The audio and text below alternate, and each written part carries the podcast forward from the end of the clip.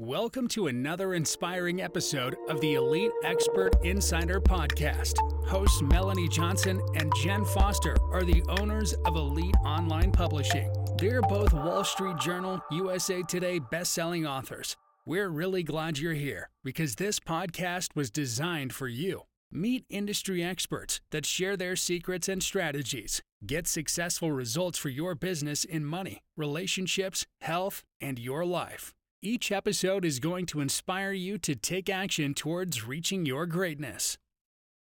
Hey everyone, welcome. It's Melanie Johnson, your host today, along with Jenn Foster. Hey, Jenn. Hey everyone, how's it going today? Yeah, what's happening? So, we are having a great week so far. We hope you are too. So, we have a special guest, Tony Wang, with us today. He helps experts, teachers, and practitioners break through their online business but his practices really are great for any business because he helped in multiple eight figure online advertising businesses create success. So we want to know his process. How did you make these online businesses super successful, hit eight figures? And, you know, he's in that spirituality space is his niche for his business, but what he's going to teach us can work for anybody's business. So I'm excited to learn all of his inside secrets to help us so we can help you too. Welcome, Tony. Thanks for coming today. Thank you, Melanie. Thank you, Jenn. It's my pleasure to be here. Tell us, Tony, a little bit of your background and how you got into the space. Yeah, so I feel like I was always an entrepreneur at heart, and it was something I was always called to. So, for instance, when I was in college, I wrote a book on skateboarding, an ebook, because I was a skateboarder in high school. I had no idea what I was doing as far as marketing it. I, I think I literally just paid some kid who had skateboarding videos on YouTube to put my link in his YouTube videos, like paid him like 50 bucks or something. And that's how I got all the traffic, all the sales. No idea what I was doing, but it worked. And that helped me pay for some of my tuition in college, some beer money. I thought it was, you know, such a great side project. But then when it came time to graduate, and I had a chemistry degree, I was like, oh, you know what? Like I, I, I have to go pursue a real job. I have to go to graduate mm-hmm. school or get a real job because yeah, this like internet marketing thing, it's nice, but it's not sustainable. And then my last my last year in college, I got really sick. I had to go to the hospital. I was diagnosed with a chronic illness. And mm-hmm. that was a big wake up call for me. And when I recovered from that, um, the lesson I learned there was to just go after my dreams, not worry about what my parents expected of me or what you know I was supposed what people wanted me to do, but just really go after my dreams. And from there, I decided, all right, I'm just going to become a, an entrepreneur and sell stuff online, and that's what I've been doing since. I love that. So you really have specialized in marketing. How do you get most people have no idea, right? They start their company, they get their product or service that they want to do to help people and they're like, "Oh, marketing? I got to be an expert at marketing too." So how do you start from square one to help someone market and grow their business? What are some of the first things that when you walk into a company, this is what you should be doing? Sure, yeah. So I'd say the most important thing before anything else is just understand who you're marketing and selling to. And the biggest mistake I see people is they're so so wrapped up in their own services and their own products because they're around it all the time, they're passionate about it, that they forget that it's really there to solve someone's problem. And mm-hmm. from the customer's point of view, they really don't even care about your products or services. They just want to fix whatever problem they're going through. And if you can really find out what those desires are, what their problems, their frustrations, their fears, their worries, their insecurities, all those things at a really deep level, that shows them you understand them. And from there, the product is the natural solution rather than trying to sell them something or pitch them something that mm-hmm. they don't really see is relevant. So that's like the foundational part of marketing and that goes uh, that's just a lot of research. It's not fun it's not really sexy to talk about as opposed to you know like different hacks and funnels and all of that stuff but it's really the cornerstone of what makes uh, marketing work.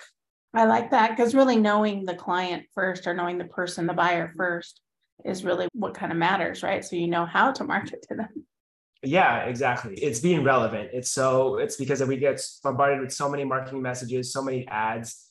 So something that really speaks to them as an individual and makes you stand out, that's what's going to get people's attention.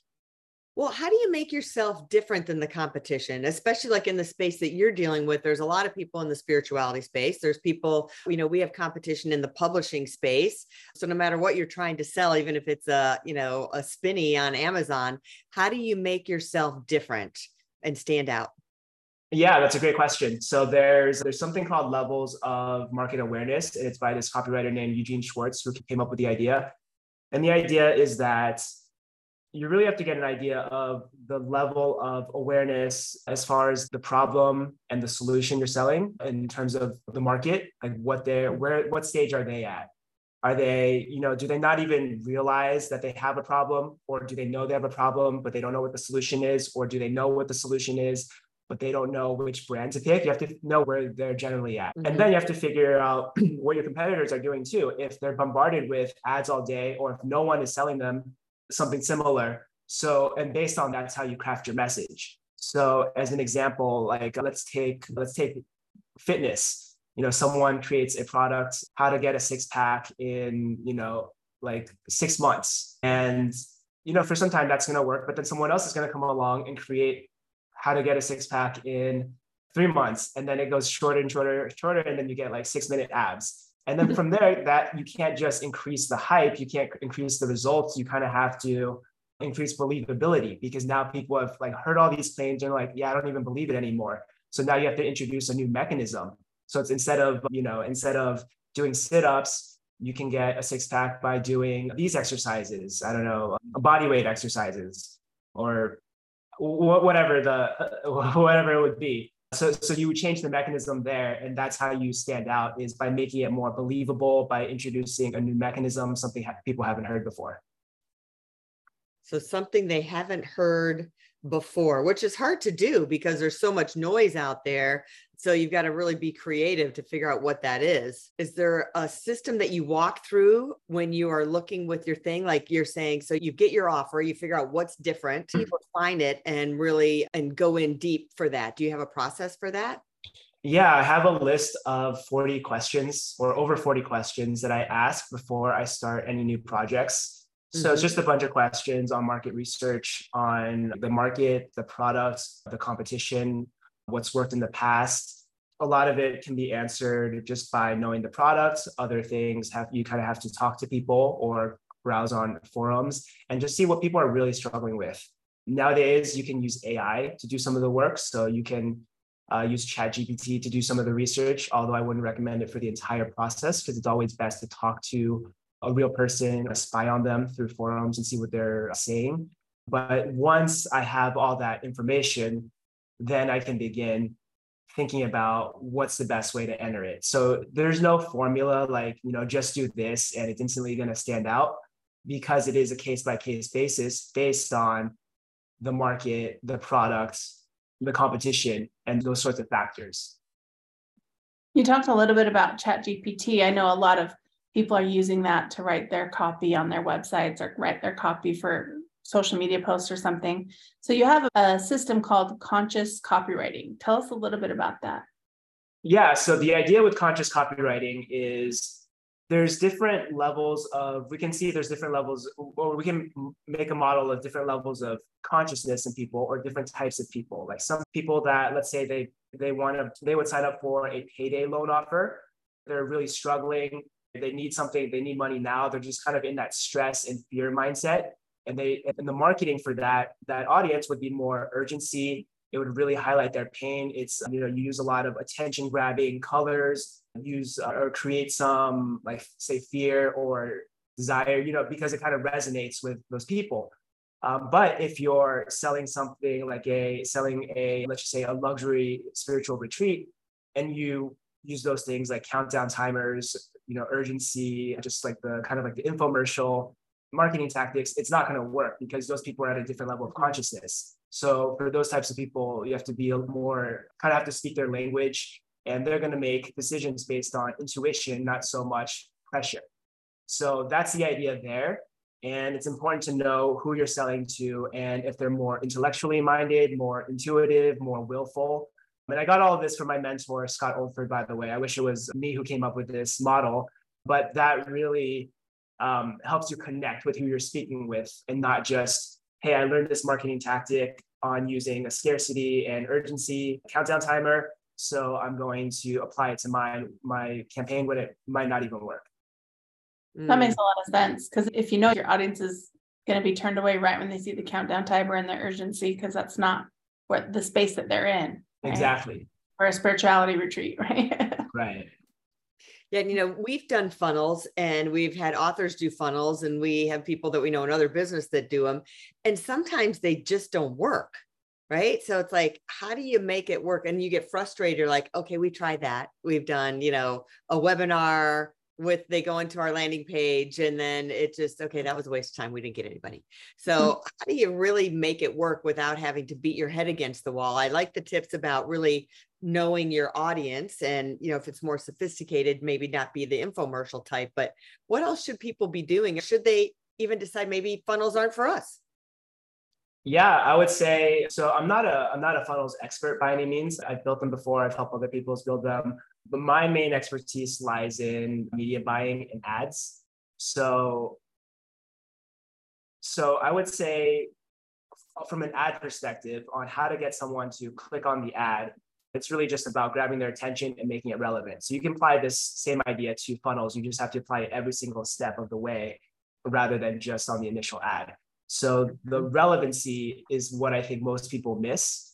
And they just create a headline or or an offer that's not really what people want, or they don't express it in a way that is desirable, or they don't get their attention. So people miss it in yeah. the first place. So there's all those factors. I would say, as a practical thing, to kind of avoid spending your time doing all those, making the funnel, building out the webinars, and doing all those time consuming things, and then just launching it and you know having to scrap it, is to kind of test it first with either a warm audience or your email list and just know that the fundamental offer the offer works because the offer is the most important part. And then mm-hmm. from there you can build out the rest. And something cool you can do on facebook and this is what i do now with my clients is i'll test different pain points as ads. So it's just an ad on facebook with a just with some text and then each pain point and then every ad is just one pain point. So let's say for spirituality, it's I'm having trouble finding inner peace. Another one is I want a new method to resolve self sabotage. Another one could be I want to feel better in my body, whatever. We can just like come up with a ton of those relevant to offer. And then we just run traffic link clicks. And that's the cheapest type of traffic. It's not going to convert. People aren't going to buy your stuff, but they're going to click your ad. And then based on what messages are resonating with people, which messages are getting the highest click through, mm-hmm. you can take those learnings and apply them to your webinars, to your sales funnels, to your emails, because you know that's what people was responding to. Otherwise, they wouldn't be clicking this over the other ones. So that's the idea there. And it's basically just, yeah, it's basically a way to test your ideas before going full on and launching them. So are like Facebook ads dead? I mm-hmm. definitely wouldn't say they're dead. I would say they've evolved a lot since since the you know 2011 to 2020. They're changing a lot, but they're definitely not dead. Do you feel like there's a certain threshold you have to spend in order to really get traction on Facebook and Instagram ads or even Google ads? Yeah, I don't have that much experience with Google. I would say it really depends on what you're selling too. Like if you're selling like an e-commerce product that's let's say like 20 30 dollars your budget's going to be different than selling a high ticket coaching for 10,000 right? Because for 10 mm-hmm. for a high ticket coaching program if you make 10,000 every time someone signs up you can spend like say 5 6,000 on ads and you're still profitable. Whereas for e-commerce selling a low, lower ticket item then you don't want to spend $7,000 before you find out that the campaign doesn't work so it, it kind of depends. Yeah. So I would aim for maybe twice your twice your revenue or cost per uh, acquisition. So if it costs you, for, so if you make like a hundred bucks, then spend two hundred dollars before giving up if it doesn't work. What platforms do you like best for ads right now? So I just got back into media buying. So I had my advertising company until 2020 ish. And then after COVID, um, I kind of just took a break. I actually shut everything down because I just felt it wasn't aligned with what I wanted to do. I focused deep on spirituality, and now I'm getting back into marketing. So I'm just on Facebook right now myself because I feel like it's it's just a great way to test different ideas, and there's just so many users on it. Tell us where people can go to find you and to get more information about hiring. Yeah. So I actually just launched my personal brand website. It's tonywang.gg. Awesome. awesome. Put that up in the show notes for people to go there and read all about you. Thanks for awesome. coming, Tony. Appreciate you. Yeah, thank you guys. It's my pleasure. So if you're thinking about writing a book, make sure you connect with us at eliteonlinepublishing.com. Thanks for coming again. We hope you were inspired and educated again this week. Have a great week, everyone. Bye-bye. Bye. Hey, are you looking to increase your revenue, build credibility, and elevate your brand? This podcast is brought to you by Elite Online Publishing, an innovative publishing and full spectrum marketing company. They will publish and market your book to make it a number one bestseller. Becoming an author is the best way to market your business. So contact them at eliteonlinepublishing.com today. All of their authors become number one bestsellers.